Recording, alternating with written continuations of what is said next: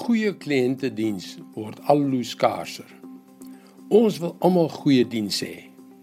Maar wat gebeur as dit ons is wat moet bedien? Hoe effektief is ons om ander te bedien? Hallo, ek is Jockey Gouchee vir Bernie Diamond en welkom weer by Vars. Ons het byna daagliks met kliëntediens te doen. By die bank, by die supermark, met die taxi-bestuurders, met die onvermydelike oproepsentrum operateur ensovoorts ensovoorts. Ek wonder hoeveel van die diens wat jy al ontvang het, regtig goeie diens was. Dink net aan al die kliëntediensinteraksies wat jy die afgelope week gehad het. Hoeveel van hulle staan vir die regte redes uit? Ek weet jou nie te veel nie. As ons die dag regtig goeie kliëntediens ervaar, is dit amper 'n skok. Onthou jy daardie verkoopsman van die afdelingswinkel wat soos hy beloof het, opgevolg en teruggebel het?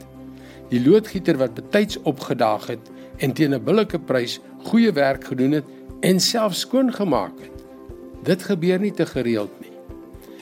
Uit jou eie ervaring weet jy en ek dat goeie diens 'n kragtige indruk op mense maak.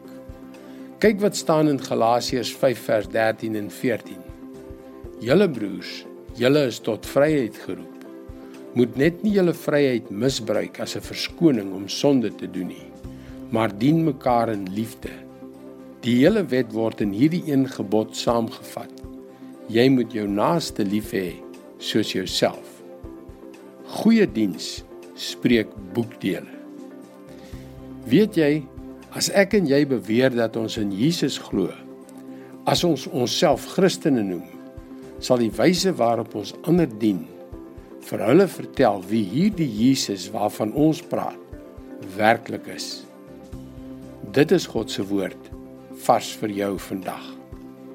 Is dit nie verbasend hoe ons effektiewe en praktiese antwoorde vir ons alledaagse lewe in God se woord kry nie?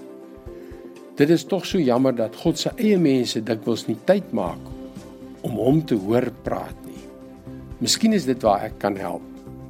Jy kan daagliks boodskappe soos hierdie in jou e-posbus ontvang. Gaan ons webwerf varsvandag.co.za waar jy kan inteken op vars. Dit is heeltemal gratis. Groetnis en mooi loop.